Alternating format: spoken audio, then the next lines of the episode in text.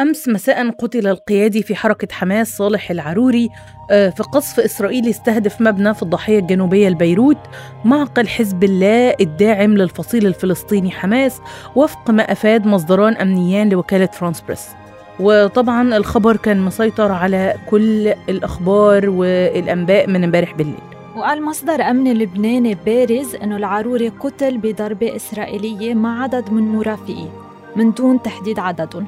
وأكد مصدر أمني آخر المعلومة ذاتها موضحا أنه طبقتين بالمبنى المستهدف تضررت إضافة, إضافة إلى سيارة على الأقل. أه تفاصيل الخبر ده وأخبار تانية معنا النهاردة في بودكاست مركز الأخبار من أخبار الآن. معايا أنا ريهام محمود. وأنا يارا أبو فخر الدين. أهلا وسهلا فيكم.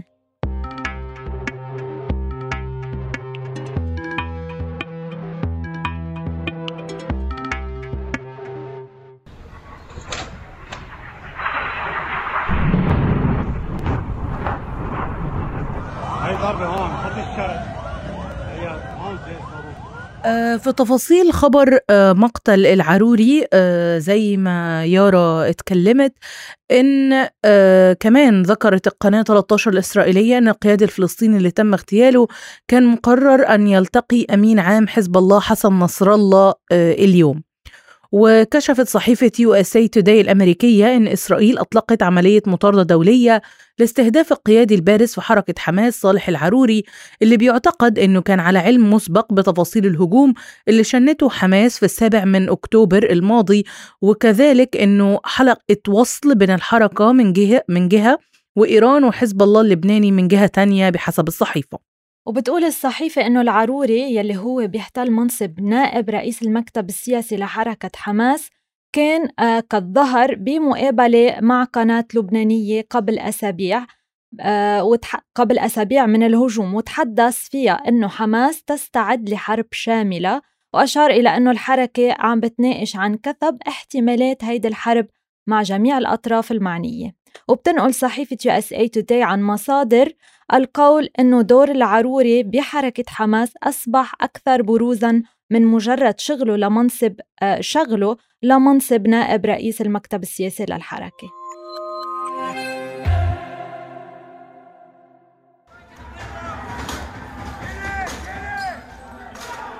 عندنا نروح لأمريكا. اللي طعن فيها الرئيس الأمريكي السابق دونالد ترامب على قرار ولاية مين آه بمنعه من خوض انتخابات الحزب الجمهوري التمهيدية للانتخابات الرئاسية. وبعد أسبوع من قرار مماثل اتخذته بحق الرئيس السابق المحكمة العليا لولاية كولورادو اعتبرت ولاية مين يوم الخميس أن الرئيس السابق ليس أهلا لتولي منصب الرئيس بسبب موقفه خلال اقتحام حشد من أنصاره لمقر الكونغرس في يناير 2021 وطلب محامو ترامب من القضاء بولاية مين إبطال القرار اللي أصدرته وزيرة شؤون الولاية شينا بيلوس. وقال المحامون أنه الوزيرة الديمقراطية المسؤولة عن تنظيم الانتخابات آه، بالولاية هي مسؤولة منحازة وتصرفت بطريقة تعسفية ومتقلبة.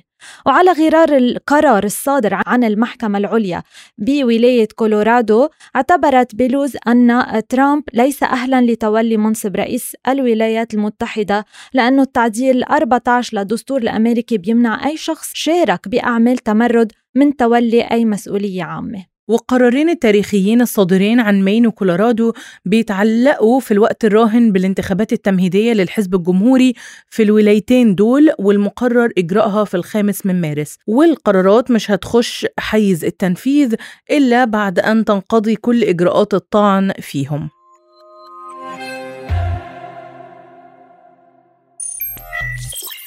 خلينا ننتقل لخبر عن التكنولوجيا. فبالوقت اللي عم يتعاظم فيه دور تطبيقات الذكاء الاصطناعي بسوق العمل حذر كريستوفر آه، بيسارديس الحائز على جائزة نوبل للاقتصاد وأستاذ بكلية لندن للاقتصاد آه، حذر الأجيال الشابة من الاندفاع بقوة نحو دراسة موضوعات العلوم والتكنولوجيا والهندسة والرياضيات. أه وده لأن كريستوفر بيعتقد أن المهارات اللازمة للنجاح في المستقبل هتمتد لما هو أبعد من مجموعة مهارات العلوم والتكنولوجيا والهندسة والرياضيات التقليدية.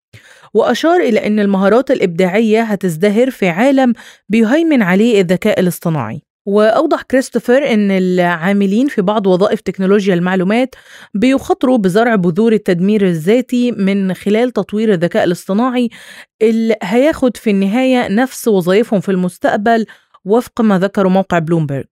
آه وبحين اعتبر كريستوفر أو عبر كريستوفر عن تفاؤله بشأن التأثير العام للذكاء الاصطناعي على سوق العمل آه عبر عن مخاوفه بشأن آه آه اللي عم يدرسوا موضوعات العلوم والتكنولوجيا والهندسة والرياضيات على أمل ركوب موجة التقدم التكنولوجي. وقال أنه على الرغم من النمو السريع بالطلب على مهارات العلوم والتكنولوجيا والهندسة والرياضيات إلا أنه الوظائف اللي آه، بتتطلب المزيد من المهارات التقليدية مثل الضيافة والرعاية الصحية رح تضل تهيمن على سوق العمل بالمستقبل. ومخاوف كريستوفر بتنبع من أن التقدم السريع في الذكاء الاصطناعي اللي بيعمل على أتمتة العديد من المهام اللي كان بيؤديها البشر في السابق خاصة في المجالات المتكررة والمعتمدة على البيانات.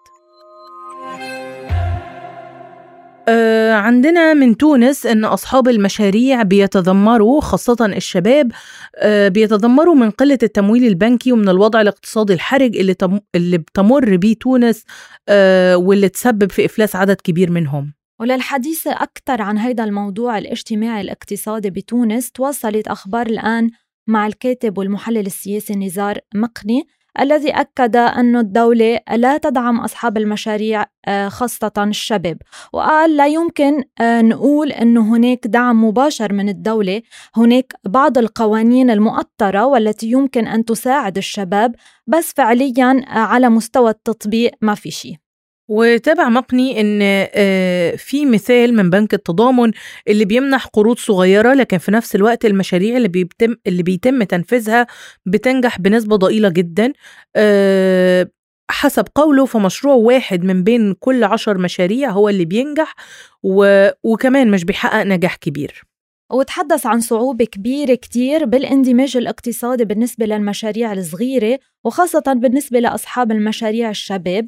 آه لهيدا الشيء قال مقني أنه الاقتصاد التونسي لا يتطور والسبب الرئيسي هو أنه الاقتصاد التونسي مبني على وجود حيتين كبرى للأموال بتسيطر على السوق وعلى القوانين وعلى من يشرع هذه القوانين. وأعتقد ده كان آخر خبر معانا وبكده نكون وصلنا لنهاية آه، آه، بودكاست مركز الأخبار من أخبار الآن. نتمنى تكونوا استمتعتوا واستفدتوا وشكرا لكم. وتابعونا بكرة في نفس الميعاد ونفس التوقيت. معي أنا ريهام محمود. وأنا يا ربو فخر الدين. إلى اللقاء. باي.